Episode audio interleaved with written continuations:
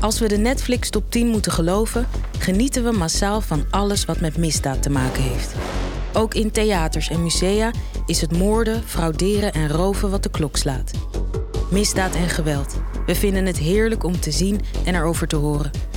En tegelijkertijd is het iets dat we in de echte wereld met man en macht bestrijden. In deze podcast vragen we de kunstenaars waarom zij zo gegrepen worden door de misdaad en vragen we de misdaadbestrijders hoe kunst hen kan helpen in hun werk. Wij zijn filmmaker Julius Ponte en theatermaker Sherilyn Adriaans en dit is Tussen Kunst en Misdaad. Welkom allemaal. Dit is alweer aflevering 2 van Tussen Kunst en Misdaad. En uh, we hebben weer fantastische gasten aan tafel. Namelijk Joost van Oena, adviseur en wetenschapper bij het OM. En Matthias Schut, onder andere regisseur van de zaak Schaap en ook producent. Welkom. Dankjewel. Ik ben heel blij dat jullie er zijn. Wij ook. Fijn.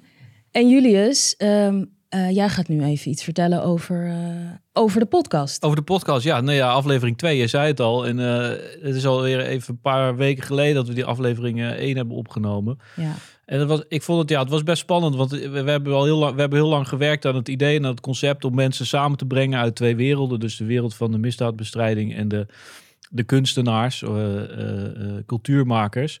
Uh, omdat wij geloven in het, in het, in het gesprek, in, het, in de dialoog die kunst teweeg kan brengen. Ehm, zoals de introductie al zegt, we, we, we, zitten allemaal s s'avonds heerlijk op de bank te kijken naar de meest verschrikkelijke dingen. En overdag hebben we liever niet dat het in onze achtertuin gebeurt. En zijn er heel veel mensen bezig om, om daar heel hard tegen te werken. En wij denken dat die twee elkaar misschien wel wat meer zouden kunnen helpen, wat elkaar kunnen inspireren. en daar gaan we eigenlijk naar op zoek. Um, en volgens mij is dat de eerste aflevering, uh, als mensen ja, die eerste aflevering nog niet geluisterd hebben en nu meteen uh, erin vallen. Dan ook heb leuk, toch wel? Zeker, absoluut. Ja, ook leuk. Maar ik denk dat het, dat het een heel mooi, mooi, mooi gesprek was. En mensen reageerden goed. Dus uh, ik heb eigenlijk heel veel zin in, dit, in deze nieuwe. Dus ja, yeah, let's, let's bring it on. Ik ook. Let's go. Um, Joost, welkom nogmaals. Um, jij bent criminoloog bij het functioneel parket. Ja, dat klopt. Wat, wat houdt dat in? Dat houdt in dat ik uh, onderzoek doe naar uh, de verschijningsvormen van fraude, milieucriminaliteit en witwassen. Dat zijn de onderwerpen waar het functioneel pakket zich mee bezighoudt. Dat is een landelijk onderdeel van het Openbaar Ministerie. Het is een beetje een apart pakket, aparte vormen van uh, criminaliteit, waar we het vandaag over gaan hebben. Witte criminaliteit. En ik doe onderzoek en probeer te begrijpen waarom mensen het doen, wat de omstandigheden zijn waaronder ze het doen. Maar ook hoe je het vanuit het Openbaar Ministerie kunt, kunt aanpakken, zodat het niet nog een keer gebeurt. Mooi. En, en kun je voor, um, zodat het echt voor iedereen te volgen is, jij noemt, je zegt witte bordencriminaliteit. Ja. Zou je dat kort uit kunnen leggen? dat, is, dat is nog wel lastig. De, oh, de, de term, nee, ik zal het proberen. De, de, de, term komt uit het Engels, white collar crime. En het is gemunt door een wetenschapper Sutherland in de jaren 40 vorig jaar, of uh, vorige eeuw moet ik zeggen. En die probeerde eigenlijk de aandacht uh, te verleggen van criminaliteit op straat en naar de criminaliteit die in kantoren of op andere werkplekken plaatsvindt. En vroeger hadden mensen die in dat soort kantoren werkten witte borden aan en mensen die op straat werkten waren blue-collar laborers bijvoorbeeld. En nou, we moeten dus ook kijken naar, naar mensen waarvan niet gelijk denkt dat de criminaliteit is, maar die toch wel grote schade veroorzaakt uh, aan, uh, aan de maatschappij. Dus een ander woord wat we in Nederland gebruiken is fraude bijvoorbeeld. Ik zou zeggen, witte bordencriminaliteit gaat ook echt over de positie die die mensen bekleden in, ja. in de maatschappij en, en in bedrijven. Super interessant. En helemaal logisch dat jij aan tafel zit, want we gaan vandaag in gesprek um, over de zaak Schaap. Een uh, documentaire serie die jij hebt gemaakt, Matthias. Uh, laten we even gezamenlijk naar de trailer luisteren. Of kijken als je via YouTube kijkt. Dit verhaal gaat over een man die alles had wat je maar zou kunnen wensen. Hij heet Frank Oranje. Zijn bijnaam die luidt Mr. Integrity. Topnotaris bij het kantoor van de landsadvocaat Pels Rijken. Hij was de man om de privébelangen van bewindspersonen op afstand te plaatsen. Begin 2019 komt er een melding binnen van fraude. Frank Oranje is hoofdverdachte. That's like crazy. Crazy. Dan heb je wel een dubbel leven. Op 6 november 2020 vindt de politie zijn levenloze lichaam. Blijkbaar zo in het nauw gedreven. Heel veel partijen hebben zitten slapen hier. Tweeënhalf jaar na zijn dood is het nog totaal onduidelijk waar die 11,5 miljoen euro zijn gebleven.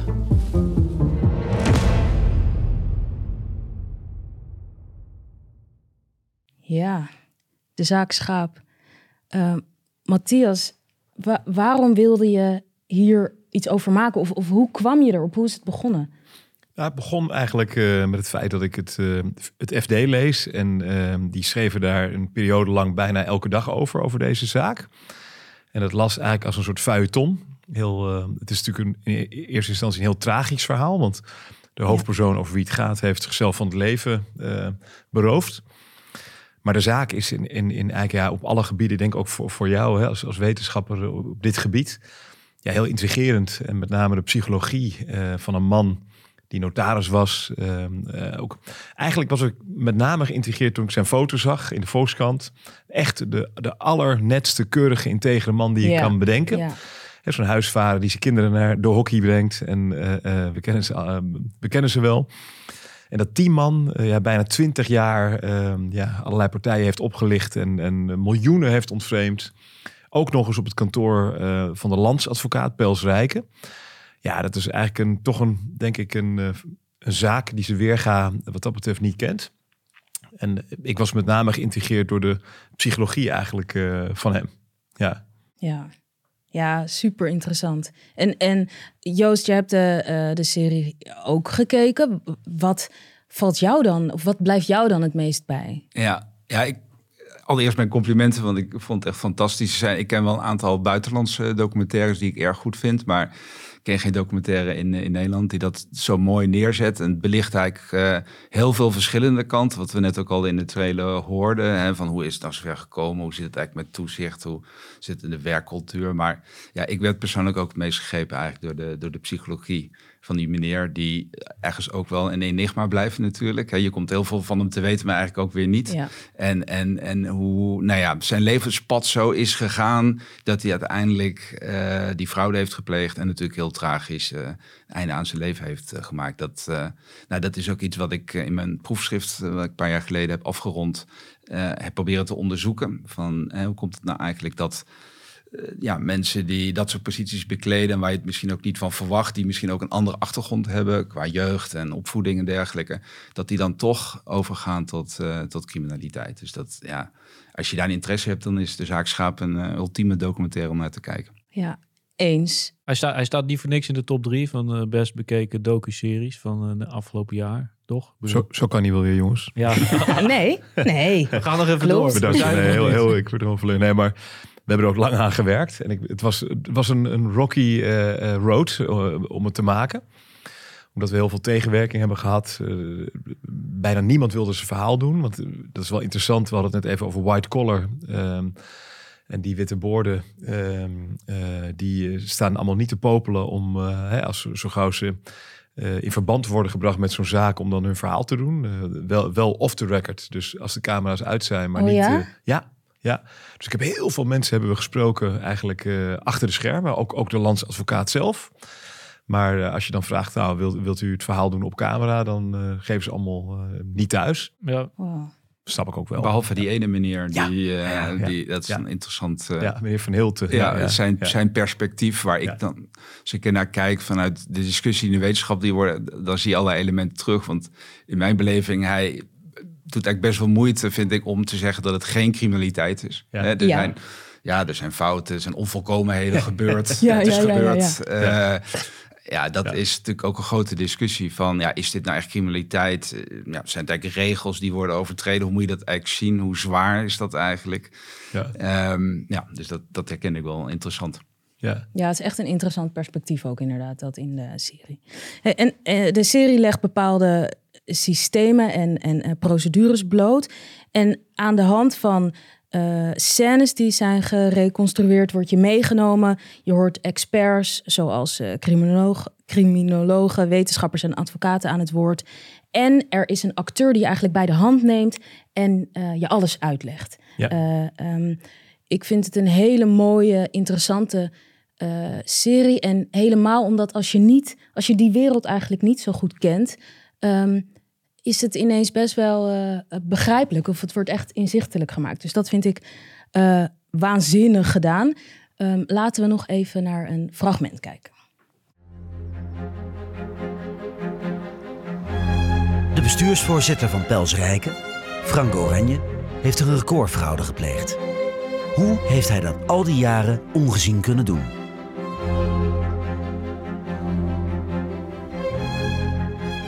Een van de belangrijkste taken van de notaris is het beheren van de derde geldrekening. Als je ooit een huis hebt gekocht, is dat een bekend fenomeen. Je maakt je geld natuurlijk nooit direct over aan de verkopende partij. Anders kunnen die met de Noorderzon zijn vertrokken. Terwijl in de tussentijd je huis is afgebrand. Nee, je maakt het geld over aan een notaris. Die zet het geld op een derde geldrekening. Pas na overdracht van de sleutel maakt de notaris het geld over aan de verkopende partij.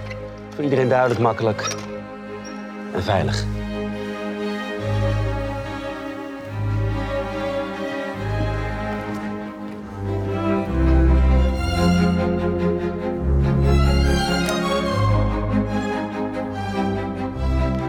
overzichtelijk systeem dat Frank Oranje gebruikt voor een vrij brutale vorm van fraude.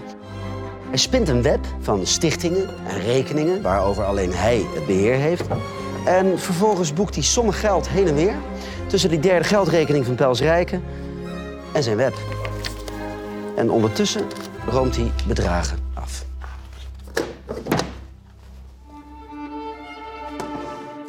Zijn collega's hebben niet in de gaten dat een groot deel van die stichtingen lege hulzen zijn.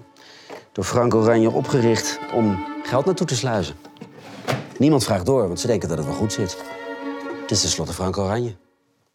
Wat een idee. Ja. ja. Weet je, grappig is, deze podcaststudio, die weten mensen die, ze, die het niet weten, weten dat natuurlijk niet. Maar die zit vlakbij het concertgebouw. een plek waar heel veel keurige mensen elke zondag natuurlijk uh, naar dit soort muziek luisteren. Dus ik, ik vond het wel uh, bijzonder om er even naar te luisteren. Nou, en deze Frank Oranje zat daar in de Golden Circle. Zeker, dus daarom. Was, uh, ja. Een van de inderdaad. Nee, daarom. Uh, ja. ja, het was. Dat is denk ik het, het verhaal van deze man. Nogmaals, vooral heel tragisch. Maar iemand die inderdaad fijnste dat hij ook van goede afkomt. Dat hij, dat hij uit een oud geldfamilie kwam. Hij had ook als, als kind een verhaal um, de wereld ingebracht dat hij door een chauffeur naar school gebracht werd, dat hij dat heel vervelend vond. Ja, fascinerend. Gaan we zo ook nog eens. Ja, het bleek allemaal niet zo te zijn, maar het meest intrigerende, hè, dit stukje wat je net liet horen, ging over hoe heeft hij die fraude kunnen plegen. En het ging, eh, dat heeft mij eigenlijk uh, ook, uh, nou ja, een van de voorname dingen die we geleerd hebben, dat het geld ook niet gemist werd. Dus, dus het geld wat hij ontvreemde, dat kwam dan uit allerlei massaclaimzaken. Dus een stichting Conferium, uh, bekende zaken waar dan ja, allerlei, allerlei geld van, van grote bedrijven of banken even moest worden geparkeerd op, op een derde geldrekening. En, maar dat was eigenlijk ehm, een aantal begunstigden die, die eisten het geld niet op. Ja. Uh, en met andere woorden, mensen misten het ook niet. En nee. toen dacht hij, hé, hey, uh, hier uh, heb ik nog een miljoentje of twaalf. of nee, in dit geval was het 7,5. Nou, dat, dat schuif ik mooi naar mezelf toe. En, en nogmaals, er was eigenlijk niemand. als, als, als de bank niet melding had gedaan bij de Fiat, dan ja, was het denk ik tot op heden nog steeds onopgemerkt gebleven. Ja. ja. Zo gaat er natuurlijk heel veel geld de wereld rond. Ik bedoel, er zijn heel veel mensen die van kleine percentages heel rijk worden van hele grote bedragen. Dus exact. Ik bedoel, het is niet, niet onmogelijk. Ja, en wat, en wat ik zelf, want wij, wij maken natuurlijk, we zijn natuurlijk op zoek naar, naar, naar uitingen van uh, culturele uitingen die gaan over verschillende vormen van criminaliteit. Dat het zo moeilijk was om. Ja, ja. De, bedoel, deze, deze film is eigenlijk een van de weinige documentaires of, of kunstuitingen, theatervormen die. Uh, uh, waar het gaat over fraude of over witte criminaliteit. Ja. Dus mijn vraag was, ik zou jou willen vragen van wat, wat, was, heb jij inspiratie gehad van andere films die over fraude gaan of was het echt specifiek deze zaak zelf? Of was je nee, zeker. We zijn zeker geïnspireerd door uh, bijvoorbeeld The Big Short of uh, Wall Street of um, nou, Succession, die serie. Heel veel muziek komt uit die serie. Ja, ja. Dus nee, dus, dus er zijn natuurlijk veel, nou inderdaad wat jij zei, ook buitenlandse voorbeelden. En ja, ik vind het heel intrigerend. Het is grappig. Mijn vader die uh, was uh, financieel directeur bij CNA. Dus ik ben wel opgegroeid. die was registeraccountant. dus dat was een ja, financiële man. Dus ik ben van kinds af aan eigenlijk altijd wel geïntegreerd geweest in ja, hoe, dat, hoe dat ging. Hè? beheren van grote sommen geld. En Ehm, dus ik, ik heb het altijd interessant gevonden. Ik vind het FD, wat ik net noemde als krant, uh, ook een interessante krant. Omdat je daar een ander perspectief krijgt op wat er in de wereld gebeurt. Dat zal jij ook, eh, denk ik, hebben. En Zeker. ja, uh, alles draait helaas in, in, in ons leven om geld. En, en voor deze man in het bijzonder. Uh, dus die had ook uh, miljoenen waarschijnlijk ook van het geld dat hij ontvreemd heeft, heeft hij in kunst bijvoorbeeld uh, gestoken. En dan had hij dus ja, van Chagall tot Picasso, van alles had hij wel wat hangen. En dat is natuurlijk ook een goede manier om dat geld uh, ja, wit te wassen. Geen Caravaggio had hij niet. Uh, nee. nee. Nou ja, het zou kunnen. Volg me wel af. Want denk, ja. Eh, zo, jij, ik ken de zaak eigenlijk helemaal niet, behalve van, uh, van de documentaire. Dat, wat, wat zijn motief was om dat te doen. Hè? Geld, wat wordt vaak verondersteld dat het om geld gaat. Maar ik denk, als hij er, dat wist ik niet, dat hij daar kunst van koopt. De kunst heeft ook een andere rol. Je kunt het laten zien. Hoe belangrijk je bent bijvoorbeeld. Ja, nou, er zijn nog wel andere motieven die we helaas niet in de serie hebben kunnen belichten. Waar ik ook nu niet te veel over kan zeggen omdat we die niet bewezen hebben gekregen. Maar mm er spelen wel andere dingen. Dus ik, ik, verwacht ook nog wel dat we nog wel een vervolg gaan maken. Oh. In het leven van deze man. Ja. Uh, um, die um, ja, uh, geleid kunnen hebben tot, uh, tot de fraude. En, maar een van de, ja, de, de, zaken die, we, die evident zijn, was dat het echt een man was die inderdaad veel van uiterlijk vertoon hield. Hij heeft ook zelf een familiewapen ontworpen. Dus hij was niet van adel, maar hij heeft wel met veel moeite uh, zijn eigen uh, wapen, familiewapen gemaakt. En waardoor je toch een soort gevoel kreeg. Oh, van, en van Oranje was natuurlijk ook een hele nou, voorname naam. Ja. Wat nog apart was dat hij op een gegeven moment ook nog de, de, geloof de lot of de, de staatsloterijtrekking mocht doen, omdat hij Oranje heette. En ja, Nee, het is, er zitten heel veel. Heb je, daar, je hebt een oranje blouse aan vandaag. Is dat, is dat, oh, wat fijn dat dit je is opgevallen. Ja. ja. Oh, dat ja. heb ik speciaal. Nee. Ik heb nou. een groene broek aan, dus. Uh, ook mooi. Onder de tafel. Uh, Joost, jij, um, uh, jij bent natuurlijk heel erg, uh, of heel erg, je bent bezig geweest met um, het, het, de, de, ja, de psyche van de fraudeur voor jouw proefschrift. Mm -hmm. Herken je dingen, daarvoor heb je heel veel mensen geïnterviewd, toch? Je hebt met fraudeurs gesproken. Nou herken jij um, bepaald gedrag uit de serie van Frank Oranje? Zeker, ja. Het is, nogmaals, ik, ik, ken het alleen uit, uh, uit de serie. En uh, ik, ik, kan niks zeggen over die meneer natuurlijk. Maar er zitten wel allerlei elementen in die, eh, die ik herken. Hè? bijvoorbeeld het feit dat hij zo.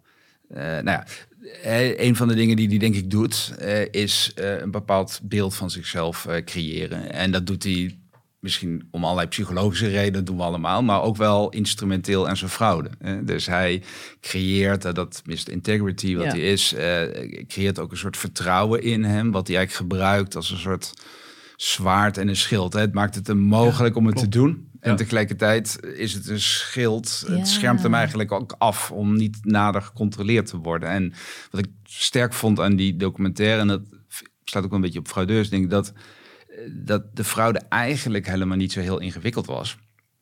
dus daar begint het wel mee. Je denkt van, oh, dat zit wel ingewikkeld met al die rekeningen. Maar eigenlijk aan het einde wordt het steeds duidelijker dat het eigenlijk vrij simpel is. En dat een gewone boekhouder of fiscalist dat zo uh, had, had kunnen zien. Hè? Dus wij denken soms ook dat ze heel ingenieus, dat dat ook een woord wat natuurlijk een belangrijke rol speelt in de serie, uh, geraffineerd dat gedaan had, terwijl het eigenlijk wel meevalt. En dat brengt me een beetje bij die mensen die ik uh, geïnterviewd uh, heb, is vaak waren dat ondernemers die om verschillende redenen over de scheef gingen. Dat kan omdat ze in financieel zwaar weer kwamen. Dat is soms een beetje een aparte categorie, want die proberen zichzelf te redden uit een hele moeilijke situatie. Maar dit is eigenlijk meer gedreven door iets meer. Ze wilden, ze wilden meer. En, en daar wordt een soort verhaal om gefabriceerd. En uh, criminologen hebben woorden voor zoals neutralisatietechnieken. Hè, dus uh, manieren die wij als mens allemaal hebben om dat, om dat goed te praten. Uh, en dat, dat zie je denk ik ook heel erg terug. Dus ik, dat, ik stel me zo voor dat hij zichzelf ook aan het overtuigen was. Dat het allemaal wel meeviel. Hè, en dat het later terugbetaald zou worden misschien. Of dat hij toch al genoeg deed voor de zaak. Eh, allemaal redenen. Mensen om, misten het niet misschien. Mensen missen het. Er zijn niet echt slachtoffers. Het is eigenlijk een soort tekstboek van, van die neutralisatietechnieken die, die mensen hebben om het, om het goed te praten. En, en dat, dat zie je vaak ook in die gesprekken die ik had met fraudeurs zag je, dat, zag je dat terug. En als ze dat heel vaak en lang hebben gedaan, want dat was in deze zaak denk ik ook, hè, 18 jaar als ik me niet vergis, dat dat op een gegeven moment ga je dat ook internaliseren. Dus die dingen die je eerst gebruikt om het goed te praten naar jezelf toe, dat je dat op een gegeven moment ook echt gaat vinden. Ik heb hier gewoon recht op. Ik werk hier super hard voor. En nogmaals, ik weet dat niet over deze nee, manier, maar ja, Dat je het ook gaat geloven misschien. Ja, of, of bijvoorbeeld, wat ik zelf dat heel fascinerend vond, dat mensen zelf, dat hebben we denk ik ook allemaal, ideeën hebben over wat rechtvaardig is en niet in de samenleving. En als jij denkt dat een regel onrechtvaardig is, dan denk ik dat heel veel mensen hebben. Nou, dan hoef ik hem misschien niet per se te, te volgen. Nee, mensen die bij de Albert Heijn, hè, waar je zelf nu moet scannen, gewoon denken, nou, ik doe neem even twee artikelen die ik even niet scan. Ik heb zelf een soort karma. Ik denk, ik, ik, ik, ja, ik wil heel eerlijk, ik wil nooit in mijn leven iets stelen of dat voelt gewoon niet goed. Uh, maar je hebt natuurlijk, ja, wat jij zegt, en het aparte van deze man was ook dat hij, uh, we hebben Wim Huisman, dus die zit ook in de serie, ook een hoogleraar criminologie. En die, die uh, zegt ook nou ja, precies wat jij zegt van ja, veel van deze mensen geloven eigenlijk in hun eigen onschuld. Zelfs als ze worden vastgezet, hè, dan geloven ze nog uh, dat ze onschuldig zijn. Dat ze eigenlijk onschuldig echt vastgezet zijn. Ja. En hij maakte ook uh, gebruik van het feit dat controleinstrumenten vaak omhoog kijken, maar niet naar beneden. Dus hij, hij manoeuvreerde zich naar de, de allerhoogste functie binnen, dat, binnen Pelswijk, bestuursvoorzitter. Ja, en, en daar was hij ook nog naar men. Uh, er ontstond een beeld uh, dat hij. Of er, is een beeld uh, dat hij vrij dominant was. En ook, nou ja, je stelt niet te veel lastige vragen. En medewerkers waren het liefst zo kort mogelijk bij hem in, zijn kantoor. Want anders werd je, ja, werd je misschien wel afgeblaft. dus, ja, dus hij kon inderdaad ook heel ongestoord zijn gang gaan. Hij had een soort cordon um, ja, gecreëerd. En ook nog in het, in het jaar eigenlijk van zijn grote ontmaskering geeft hij nog een lezing in het gemeentemuseum in Den Haag. Uh, over in, in, integer ondernemen. Dus uh, voor een zaal vol advocaten, journalisten, notarissen, juristen. Dus die man die heeft het inderdaad zo hoog gespeeld, het spel. En, en ja, Ongelooflijk. Het kan bijna niet anders wat jij zegt, dat hij daar ook zelf in, in, in gaan is geloven. Ik denk, ja. je hebt zo'n begrip iets van slippery slope of zo. Dat kennen we denk ik ook wel. Hè? Dus je, je zet eerst een klein stapje ja. en dan een tweede stapje en dan een derde stapje. En dat kan ik me goed voorstellen. Hij zal niet begonnen zijn, gok ik zomaar eens, om een miljoen achterover te drukken. Dat, dat zal klein begonnen zijn. En dan is het denk ik een psychologisch proces van, oké, ik kan het voor mezelf goed praten. En natuurlijk een soort controleproces. Ik word niet gepakt. Ja dat had ik, herken ik ook wel in die gesprekken die ik heb gehad. Van ja, dan gaat het eigenlijk maar door. En dan soms groeit het ook uit groter dan ze zelf willen. Maar ja, je zit dan eigenlijk ook vast, want je kunt ook niet meer echt terug. terug. Nee. En, en, en Joost, mag ik jou iets vragen? Want, want ik bedoel, wat uh, Matthias zei net al iets over dat er veel mensen zijn die niet mee, mee willen praten over zo'n film. Het is toch gevoelig. De, deze man begaf zich in de hoogste regionen van, van het land. Ja.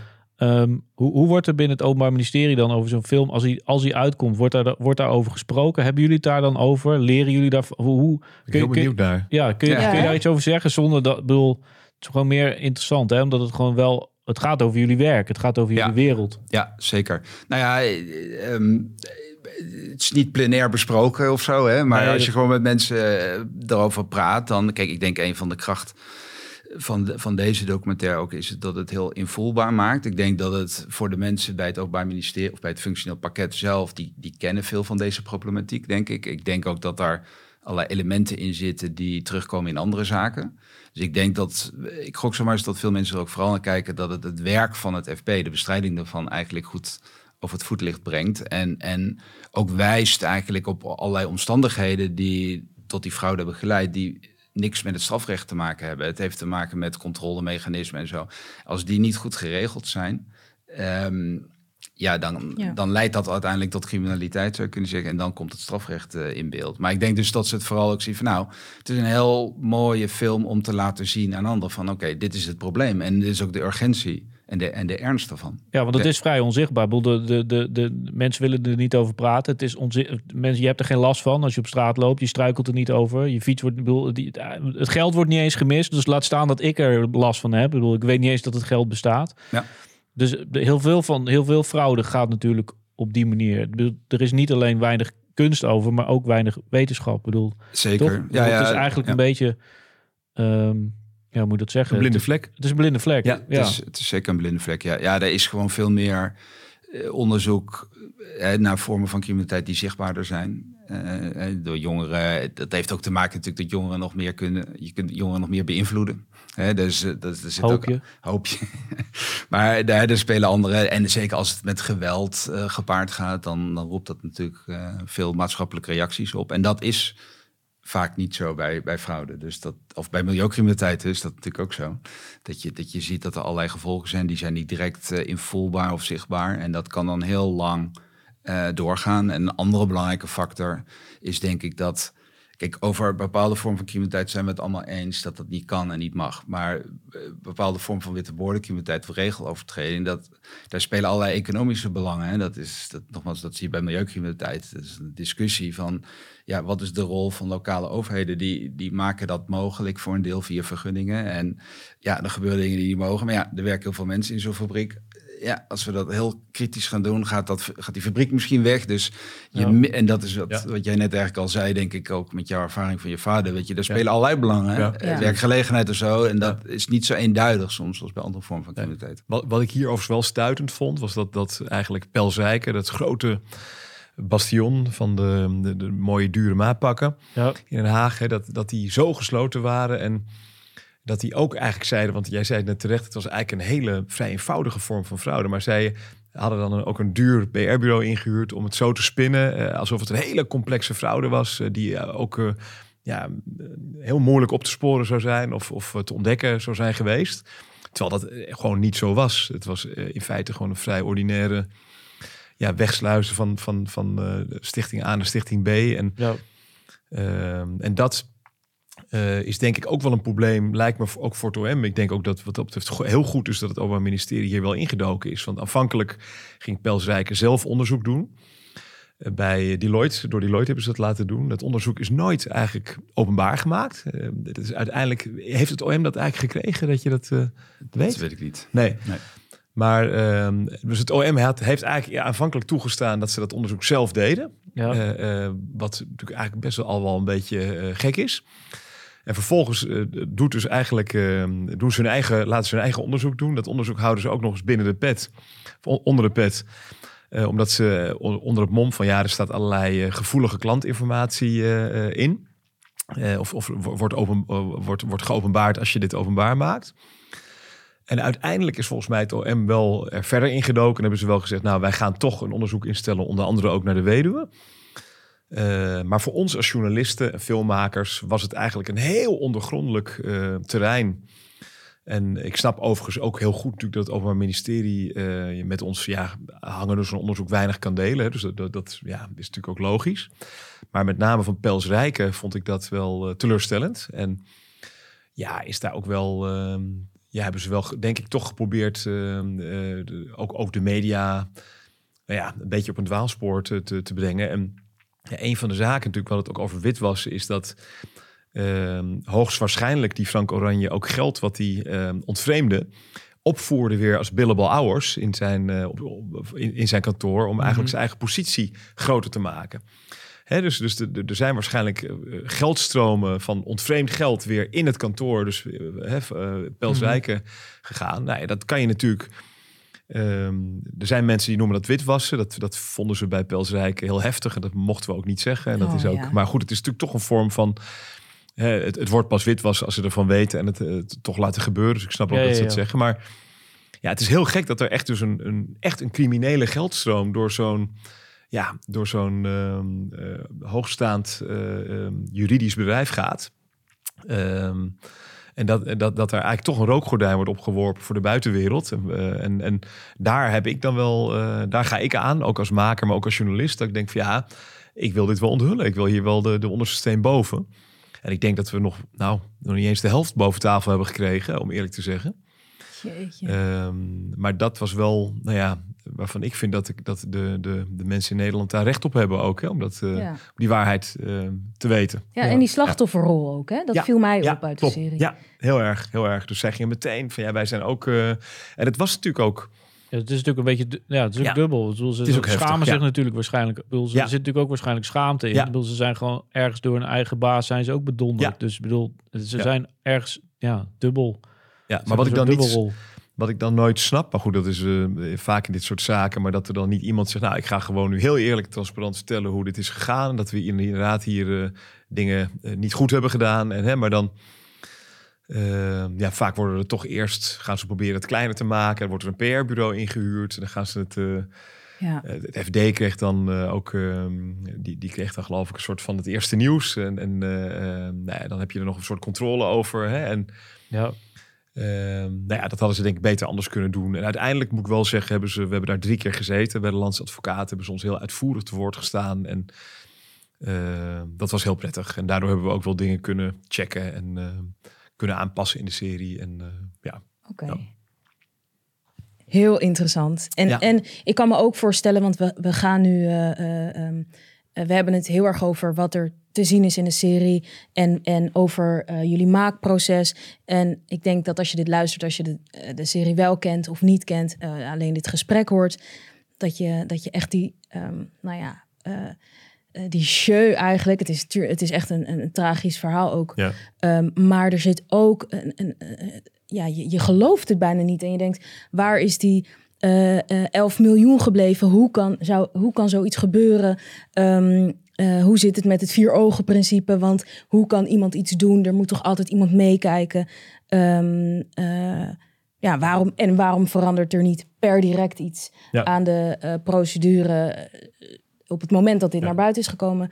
Nou, het blijkt dat er dus ook in, in deze kringen met heel veel vertrouwen ook naar elkaar wordt gewerkt. Dat is natuurlijk ook logisch. Het is ook mooi natuurlijk dat je als mens naar andere mensen ja, vanuit vertrouwen met elkaar kunt werken en kunt leven. Ja. Natuurlijk snap dat ook wel hoor. En, en, maar ja. het is, het is, ik vind eigenlijk vooral op het moment dat zoiets dan gebeurt, dan hoe je er dan mee omgaat als bedrijf of als uh, uh, dat, dat zegt wel veel over, over hoe een organisatie in elkaar zit. En in plaats van het dan weg te moffelen, zou ik dan zelf het veel krachtiger vinden om dan juist volledige openheid te geven, naar buiten te treden en proactief eigenlijk. Hè? Dus ook dat Deloitte-rapport. Ik, ja, ik vind nog steeds dat wij recht hebben om inzage in dat uh, rapport te krijgen. Want tenslotte, eh, ik weet niet of jullie dat realiseren, maar dat die het Pels Rijker voor een heel groot deel gefund wordt door ons allemaal. Ja. Want er gaat, gaan tientallen miljoenen belastinggeld in om. dus als dat wegvalt en eh, als, als omzicht inderdaad uh, toch straks gaat deelnemen aan een aan de regering, uh, dan mm. uh, nou, is het eerste wat hij doet, uh, is, is, is Pelsrijk ontheffen van, van, de, van de taak der landsadvocaat, denk ik. Hè? Ik weet niet hoe jij dat, hoe denk jij, ja. hoe zie jij dat? Ik, ik, wist niet dat hij daar zo hele expliciete ideeën over, ja, ja, over had. Is daar vrij, ja, oké, okay, ja, ja. Ja. ja, omdat dat natuurlijk ook, nou ja, goed, daar zijn parlementaire vragen over gesteld en dat, dat leidde tot, tot veel, veel discussie. Ja, we zullen het zien. Ja. Ik, ik ben benieuwd. Ja. Ja. Zullen wij nog naar een uh, fragment luisteren of ja, kijken? Lijkt, ja, zeker. Lijkt me leuk. Ja, ja, heel leuk. Het gezin Oranje was een doorsnee gezin. Geen gekkigheid, doe maar gewoon. Het schijnt een Zeelse eigenschap te zijn. De moeder van Frank was huisvrouw. En zijn vader werkte bij de lokale steenkoolfabriek. Dus niet de directeur of de eigenaar, nee, gewoon prima kantoorbaan. Wat fascinerend is, is dat Oranje later die jeugd in Terneuzen anders is gaan voorspiegelen.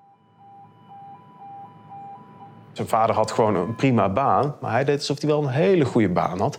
En later vertelde Oranje dan dat hij uh, altijd met de chauffeur naar school werd gebracht.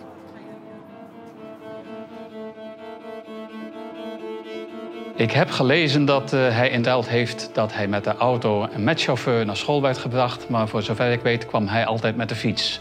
Hij woonde op anderhalve kilometer afstand. En in die tijd werden de leerlingen uh, niet echt uh, met de auto gebracht, tenzij ze van ver moesten komen en het slecht weer was.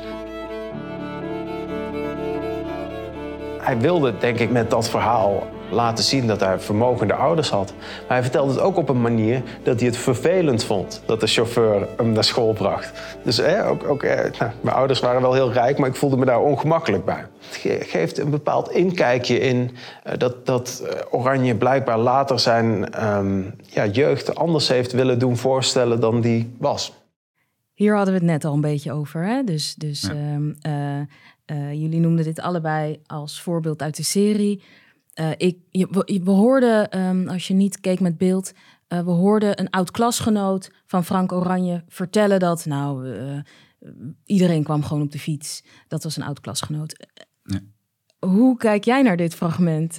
ja, ik, ik, zit denk twee kanten aan. Hè, dat dat verhaal wat hij bedenkt om het, om, het, om het mooier te maken. En, en, en het feit dat hij eigenlijk uit een heel conventioneel, normaal gezin komt. daar sloeg ik op aan, omdat als je daar kijkt uh, vanuit de criminologie, dan, en je kijkt, vergelijkt het met andere vormen van criminaliteit, dan begint dat vaak eerder. Uh, in hun jeugd is er wel aan de hand. En dan op gelijk de vraag, wat is er dan? Speelt dat zijn probleem in het gezin of jongeren die elkaar beïnvloeden of misschien persoonlijkheidseigenschappen die dan zou je ook verwachten dat het al jong begint. Ja. ja. Uh, en bij hem wijst er eigenlijk niks op dat dat in zijn jeugd al speelde. Ja. Um, en dat dan denk je, nou, dat is dus iets later in zijn leven. Is hij de, er moet iets gebeurd zijn. Ja, ik denk bij Minerva, dus de, studenten. Uh, of de, ja, de studie die hij is gaan doen Leiden, daar, daar, daar studeerde hij uh, scheikunde. En daar hoorde hij dan blijkbaar, hè, nou, hebben we van, van medestudenten gehoord, een beetje bij de kneuzen. En daar is denk ik iets geknapt in hem. Of dat hij dacht, ja, ik, ik, want hij, hij kon heel goed rekenen. En um, toen heeft hij gedacht, hé, hey, maar die, die, die gasten die hier allemaal economie studeren en, uh, en rechten, uh, dat, dat wil ik ook, dat kan ik ook. Toen is hij ook geswitcht. Oh. Ik denk dat daar iets uh, ja. ja. in zijn hoofd, ja, soort verandering heeft plaatsgevonden. Misschien ook een soort, maar goed, nogmaals niet over hem, maar bij andere mensen die ik heb gesproken, een frustratie. iets, iets wat hem frustreert, wat een tegenslag. Eh, tegelijkertijd zie je dat anderen daar niet mee wegkomen, wel mee wegkomen en jij niet. En dan een soort gevoelens van wraak. Hè. Er wordt vaak over fraude gezegd van ja, het, is, het gaat om geld, het is heel calculerend, het is een kosten-batenanalyse. Ik zelf geloof daar niet in. Ehm, en ook niet op basis van het onderzoek wat ik heb gedaan. Ik denk dat juist emoties een belangrijke rol kunnen spelen. Ja. Eh, macht en vraag. Ik denk dat bij hem macht ook wel uh, meespeelde. Ja, dat, die, uh, dat stel ik me zo voor. En, en, de, en erbij willen horen tot een bepaalde groep waar die dan misschien niet per se van vandaan komt, om dat makkelijker te maken om in zo'n groep, maar dat hij dan ergens eh, iets is uh, tegengekomen of mee heeft gemaakt wat gewoon langzame verandering in zijn leven heeft, heeft veroorzaakt. En daar tegelijkertijd moet je daar natuurlijk bij zeggen dat de manier in de documentaire, hoe die dingen bedenkt, daar vraag je ook een beetje af of dat misschien toch al eerder in zijn leven ook een rol heeft gespeeld. Omdat en dat vind ik zelf een interessant fenomeen. Als je het over witte bordencriminaliteit hebt, dan zeg maar de ingrediënten daarvan. Dus liegen, bedriegen, vals spelen. Dat eh, herkennen we allemaal. Sterker nog, er is heel veel onderzoek dat, dat we eigenlijk allemaal best wel veel liegen en bedriegen. Alleen, we doen het niet zo heel erg. Nee. We doen het een klein beetje. Ja. En, maar, van, maar, van, een fiets naar een auto met chauffeur is wel... Ja. Dat wel nou, ja. Kijk, nou, als je nou zegt, ik ga met mijn fiets, met het wordt een brommer of een scooter. Dan denk ik, nou oké, dat is nog wel. Maar een, een auto met chauffeur, is, de, daar is meteen een status, is meer status, uh, statusverhogend natuurlijk. Ja, en dat dan ook zo van, en dat dan niet leuk vinden. Van, nee. ik wilde gewoon normaal zijn. Ja, maar... wat, wat ook heel integrerend was, want wij wilden heel graag in dat huis filmen. Want hij, heeft een, uh, hij had een villa Eckerby. Dat was dan een grote villa in uh, Den Haag-Scheveningen. En uh, voor veel geld gekocht en verbouwd. Daar wilden wij natuurlijk heel graag kijken en filmen. Ja. Uiteindelijk zijn we daar uitgenodigd door de nieuwe bewoner. Want zijn de, de vrouw van Frank Oranje... Um, heeft ook heel tragisch natuurlijk het, het huis moeten... Of heeft ja. ze verkocht. Ze heeft het niet moeten verkopen, maar heeft ze gedaan. En, uh, en ik, wij waren gewoon heel benieuwd hoe ziet dat er van binnen uit. En dus wij mochten daarheen. Uh, Maartje Hofhuis, de, de researcher en ik. En we hebben daar rondleiding gekregen. Het voelde inderdaad. Uh, ja, het, wat heel gek was, dat je. Het was eigenlijk een beetje bij elkaar geraapt. Dus het was niet wat je zou verwachten van dat het allemaal gouden kranen waren. Of niet per se over de top chic. Maar je voelde dat daar wel iemand uh, iets, iets gecreëerd had. Wat inderdaad uh, rook naar oud geld. Dus met, met kunst en dan een soort, soort haard gemaakt met, met oude tegeltjes. En maar dus, dus in het huis voelde je ook wel zijn, zijn, ehm, ja, zijn geest of zijn, zijn, zijn psyche. En wat dan ook heel apart was, dat die nieuwe bewoner ons vertelde... ja, eh, ik heb een schriftje gevonden en daarin hield hij elke week met de hand de meterstanden bij... Uh, dus zo, eh, terwijl die man had geld zat, zou je, zou je zeggen, zeker met die fraude. Maar ja. die was dus alles werd afgemeten, uitgeschreven, bijgehouden. Dus ik denk een bijna, ja, uh, uh, aan autisme grenzende vorm van controle. En ze zeggen ook dat hij wel twee dagen in de week bezig geweest moet zijn met de schaduwboekhouding. Dat, dat, dat, het waren in ieder geval heel veel BV'tjes en heel veel ehm, ja. rekeningen. En ja, dat moest hij natuurlijk allemaal wel secuur doen. Want anders zou hij al eerder tegen de lamp zijn gelopen. En, ja. En maar, maar denk je dan, want de, uiteindelijk, de, deze film of serie is goed bekeken. Um, denk je dat het bij grote organisaties ook mensen wakker heeft gemaakt? Dat ze bedoel, je hebt natuurlijk de, de, de bij de Voice of Holland of uh, de MeToo. Of, uh, het zijn natuurlijk dingen die naar boven komen. Waar het is ook crimin, ja, crimineel gedrag wat, wat we al jarenlang uh, ja, gedogen of toe hebben gelaten, waar een verandering is gekomen er worden niet veel van dit soort films gemaakt die deze impact laten zien van deze. Heb jij het idee dat, dat er mensen zijn binnen grote organisaties die na het zien van deze film, heb, heb je daar, heb je daar nou, zicht op? Kun je daar iets over zeggen? Ik vind je vraag interessant, want waarom worden er zo weinig series of films over dit soort onderwerpen gemaakt? Omdat denk ik veel journalisten uh, ja, heel weinig verstand hebben van uh, financiën of van uh, juridische zaken, maar ook omdat omroepen, um, maar ook productiehuizen heel angstig zijn voor de juridische gevolgen. En dat was ook in, met deze serie het geval dat uh, ja, iedereen was eigenlijk hartstikke angstig. er hebben nou, meerdere advocaten meegekeken. En ik heb mijn achtergrond, we hebben ook Rambam gemaakt met ons bedrijf ooit. Dat was lekker erop en erover. Dus ik, ik, ik heb vanuit, vanuit huis uit uh, ken ik uh, wat minder angst, zeg maar. Maar, maar gaandeweg merkte ik ook, wacht even, zo'n onderwerp uh, stuit op veel verzet. Omdat mensen vinden het toch spannend. En, en ehm, toen dacht ik, ja, nou moeten we het helemaal doen. Maar ik denk dat dat Nee, maar ik bedoel meer van ja. hoe die film er is. Heb je, het idee, heb je het idee dat de mensen bij de grote firma's en de grote uh, financiële instellingen, dat ze denken van we gaan deze film eens kijken. En, uh... Op de Zuidas is daar goed naar gekeken, hebben wij uh, vernomen. dat gaat dan vooral over advocatenfirma's. En ja.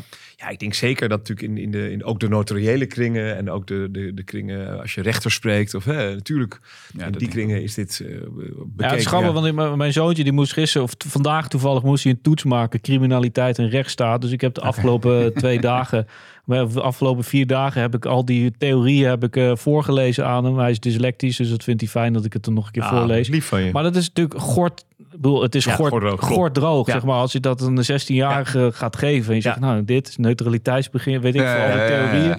En deze serie is natuurlijk, het, is, het wordt e-, enorm uh, behapbaar gemaakt. Maar er is geen, jullie hebben geen educatiemateriaal nou. ontwikkeld rondom de film. Nee, dat had ik graag. Ja. Maar we, we, hebben ons, we hebben echt kunnen putten ook uit, uit het werk van, van uh, het Financieel Dagblad en ook NRC. Hè. Uh, Camille, die daar journalist is. En, maar de, de eindredacteur Remco Kappelhof, dat was wel een heel mooi, mooi mens is dat die die kon steeds, die, dat, dat is ook een hele goede research. Dus die spitte dan, die ging spitten, dagen was hij. En had hij weer iets gevonden. En dan kon hij dat ook heel uh, ja, bevlogen en, en, en vol, uh, vol spanning bracht hij dat dan op de redactie, waardoor het ook tot leven kwam en wij er allemaal op aangingen. En ja, we ook dachten, oh, hier moeten we weer wat mee. En, um, maar ik denk dus, dus dat, ja, dat er dus heel veel plaatsvindt, ook qua white-collar criminaliteit, ja, wat we nooit weten, nooit zullen weten. En ik denk dat het OM natuurlijk ja, ook maar beperkt uh, uh, ja, de middelen heeft om, om dit aan te pakken. Naast alle. Zeker, dat is natuurlijk een groot probleem. En, en, en ook hoe de handhaving is ingericht. Het is, uh, ik teken het wel eens als een soort cirkel met allemaal cirkels in elkaar. Stel dat de fraude in het midden is, dan heb je eigenlijk allerlei vormen van, van handhaving die eerst aan zet zijn. En je hebt allemaal binnen bedrijven compliance regelingen of je hebt een raad van bestuur. Dan heb je eigenlijk ideeën van marktwerking. Hè? Ook bedrijven moeten elkaar controleren. Dan heb je toezichthouders. En dus er zit een heel instrumentarium omheen. En dan helemaal aan het einde kom je eigenlijk pas bij, bij het strafrecht. En ja. op zekere hoogte zou je kunnen zeggen dat dat geldt niet altijd zo, denk ik. Maar ja, dat hier die voorgaande dingen eigenlijk gefaald hebben. Het is dan hier begonnen met een, met een melding, een uh, ongebruikelijke en dan later verdachte transactie volgens mij. En ja, dan gaat het door naar, naar het strafrecht. Maar eigenlijk had dit natuurlijk eerder intern, hadden ze dit al lang uh, moeten, moeten, moeten vaststellen. Maar de grote vraag hier, wat het is wel interessant wat je zegt van... Hij had moeten weten, die man, dat als hè, Frank Oranje op het moment dat je een bedrag van 7,5 miljoen overboekt van een derde geldrekening van een stichting naar je eigen rekening, dan weet je toch dat de bank daar melding van doet. Ja, dus misschien is het een soort overmoed. Op een gegeven moment heeft het altijd ook al lang gedaan natuurlijk. Ja. Dat hij misschien niet meer zo secuur was in zijn eigen manieren die hij had bedacht. Omdat, ja, uh, maar dat vind ik toch een, een ongeloofwaardig. Dus ik, ik, ik heb toch een soort...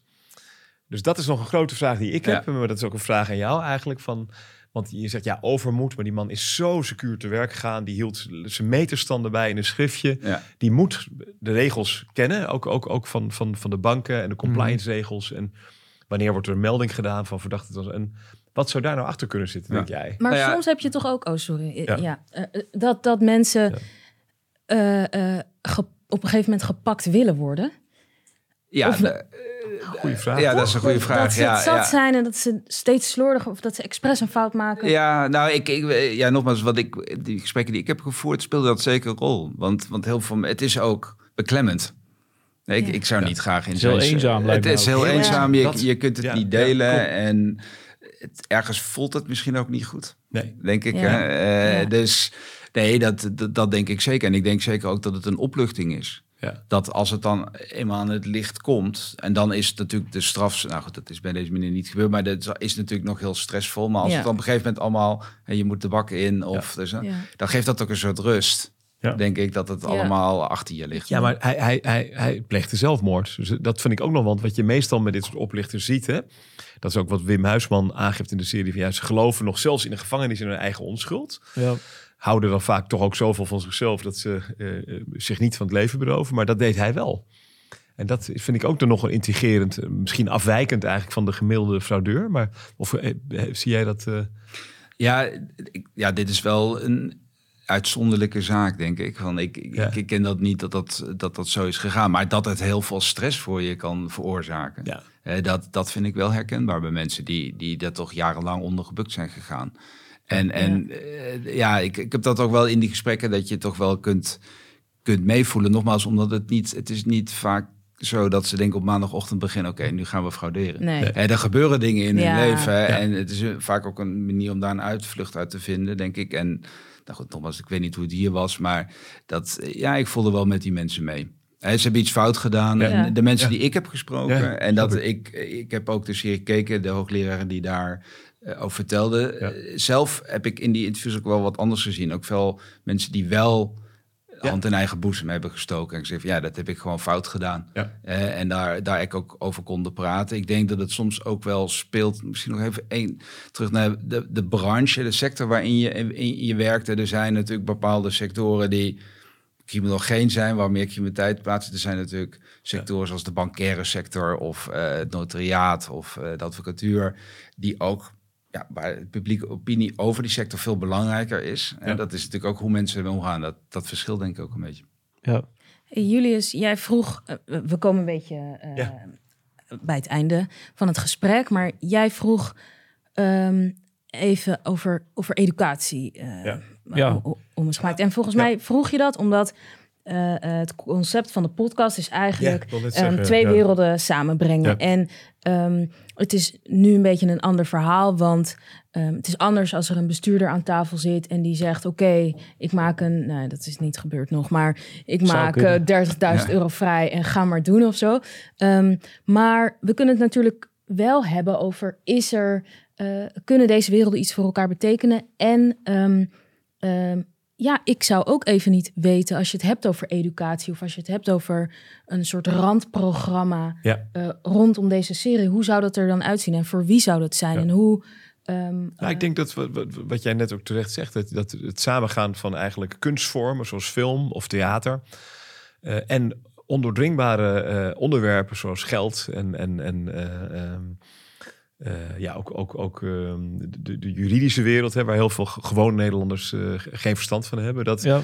dat je met kunst of film, ja, dat kan ontsluiten. En dat je, dat je inderdaad uh, dingen ook begrijpelijk kunt maken. Dat hebben we ook echt gewild met deze serie. En wat ik interessant vond, um, was dat aanvankelijk bij de NPO men deze serie eigenlijk uh, niet wilde hebben. Omdat ze zeiden van, oh sorry, oh. omdat ze zeiden van... Um, Um, ja, uh, er is al veel over gepubliceerd. Dus wat, uh, wat kunnen we nog voor nieuws, ah. nieuws melden? Ja. Maar ik had juist heel erg het gevoel van ja, maar het grote publiek moet dit ook uh, um, weten en kennen en zien. En die kunnen ja. daarvan leren. En, en ik denk dat dat dus um, ja, heel, heel belangrijk is. ook, ook sowieso, ook met de bankencrisis of, hè, of, of wat nog steeds over zo'n relevant onderwerp denk ik is. ook, ook als je nu naar de vastgoedwereld kijkt. Mm dat heel veel uh, van het vastgoed heel hoog beleend is. En de rentes zijn nu hoog, dus heel veel vastgoedpartijen hebben het moeilijk. Dat zie je nu ook in Amerika en ook in China. Ja. En dan is kennis uh, hè, bij, bij mensen die je kunt vergaren door er een theaterstuk over te maken of door er een serie over te maken. Ja, dat is dan heel, uh, heel belangrijk, denk ik. Dus ik Zeker ja. weten, ja. ja. maar, zou, je, zou, maar zou je denken dat, de, want, want je, de, de serie maken is natuurlijk één, maar je zou natuurlijk ook nog wat ik zei, van op het moment dat dit gewoon wat meer uh, body krijgt. Ja. Nou, bijvoorbeeld Joost, jij, jij geeft ook les, toch? Ja. Zou dit... Inter ah, sorry? Uh, aan de universiteit. Ja, ja, ja universiteit. Zeker. Zou, dit, zou dit uh, interessant zijn om aan de studenten te laten zien? Oh, en aan zeker. de hand van... Of, of we, kunnen we zo concreet... Kunnen we iets concreets bedenken? Met deze specifieke serie om, ja, om te doen? Of is er ja, het mag ook breder, maar het is wel lekker om meteen. Ja, ja, ja, nee, ja nee, nee, zeker. Ja. Uh, nou, ik, ik misschien even zelf een voorbeeld van uh, wat ik interessante kunstenaars vond waar ik een keer mee samen heb gewerkt. Die hadden een, een, een, een wandeling gemaakt door Amsterdam langs allemaal adressen waar de brievenbusfirma's zijn gehuisvest. Oh, goed. Ja, dat is te gek, want dan loop je gewoon hier, of, nou, hier in de buurt, zullen we zeggen. Ja. En uh, dan zie je daar, nou, dan had je een soort op telefoon en dan geef je, nou, hier staan uh, 1500 BV's ingeschreven, weet je wel, drie hoog achter. En even als simpel voorbeeld, dat zoiets op zo'n andere manier naar kijken, zou ik ook heel graag willen gebruiken. Voor studenten, maar bij wijze van spreken ook mensen uit de sector. Weet je, onder dat gevoel, want je leest dat, je weet dat, maar als je er zo loopt en je staat voor voor zo'n pand. Dat, dat, en dat is denk ik de kracht van kunst. Dat, je, dat je iets wat je misschien al weet of kunt weten, dat totaal anders uh, kunt benaderen. Kijk, voor studenten is een prachtige documentaire, omdat het in die zin ook educatief, want er zit zoveel in, omdat het heel systematisch al die verschillende kanten uh, benadrukt ik zou, het zou denk ik een grotere uitdaging zijn inderdaad om uh, de Zuidas op te gaan. Ja. ja. en, en met hun uh, aan, uh, aan de slag te gaan. Maar ik, ik, een van de manieren denk ik dat je het kunt gebruiken is om een gesprek te voeren over de cultuur. Ja. want daar hebben we het misschien nog niet helemaal zo over gehad. Dat gaan we ook niet doen. Maar de cultuur die er geld binnen bedrijven. En waarom in een hele hiërarchische maatschappij of uh, bedrijf zoals daar, waar mensen erbij willen horen, mhm. weet je, waardoor zoiets kan ontstaan. Nee, maar goed, daarom, daarom legde ik natuurlijk ook een beetje de, de, de, de link met de, met de onderzoeken bij, uh, bij, bij The Voice of bij de NPO zelf, of bij, de, bij waar machtsstructuren gelden en waar culturen ontstaan, waar dit soort dingen kunnen gebeuren. En in een wereld waar het draait om geld, want uh, bedoel, ik denk dat veel van dit soort firma's ook draaien om geld en winst en, uh, en uh, een service, dat dat, dat, dat uh, mis kan gaan. Dus um, ja, ik, ik, ik zou de ook, ja, Matthias zelf, maar de NPO ook oproepen als je dit soort series maakt, om daar gewoon toch meer, meer meer mee te doen om, uh, om het te laten landen. En, uh, ja, mooi. Al is het maar voor mijn zoontje dat hij niet alleen maar uh, van die gorddroge ja, teksten leest op, op school. Ja, ik, vind het, ik ga ermee aan de slag. Ik vind het eigenlijk een goed, goed idee van je. En deel 2 graag ontwikkelen. Ja, ja, we zijn bezig. Ja. Oké. Okay. Um, ik wil jullie bedanken. We zijn bij het einde gekomen van dit gesprek. Um, Matthias en Joost, Super bedankt voor het fijne gesprek. En de luisteraar, kijker, dank je wel dat je tot het einde bent gebleven. Uh, heb je genoten van dit gesprek? Abonneer je dan, gooi sterren of comments en er volgen er meer. Stuur het naar je collega, vriend of vijand. Um, deze podcast werd je aangeboden door het Riek Amsterdam Amsteland en gemaakt door Wat We Doen. In samenwerking met mijzelf, Sherilyn Adriaans en Julius Ponte. Tot de volgende Tussen Kunst en Misdaad.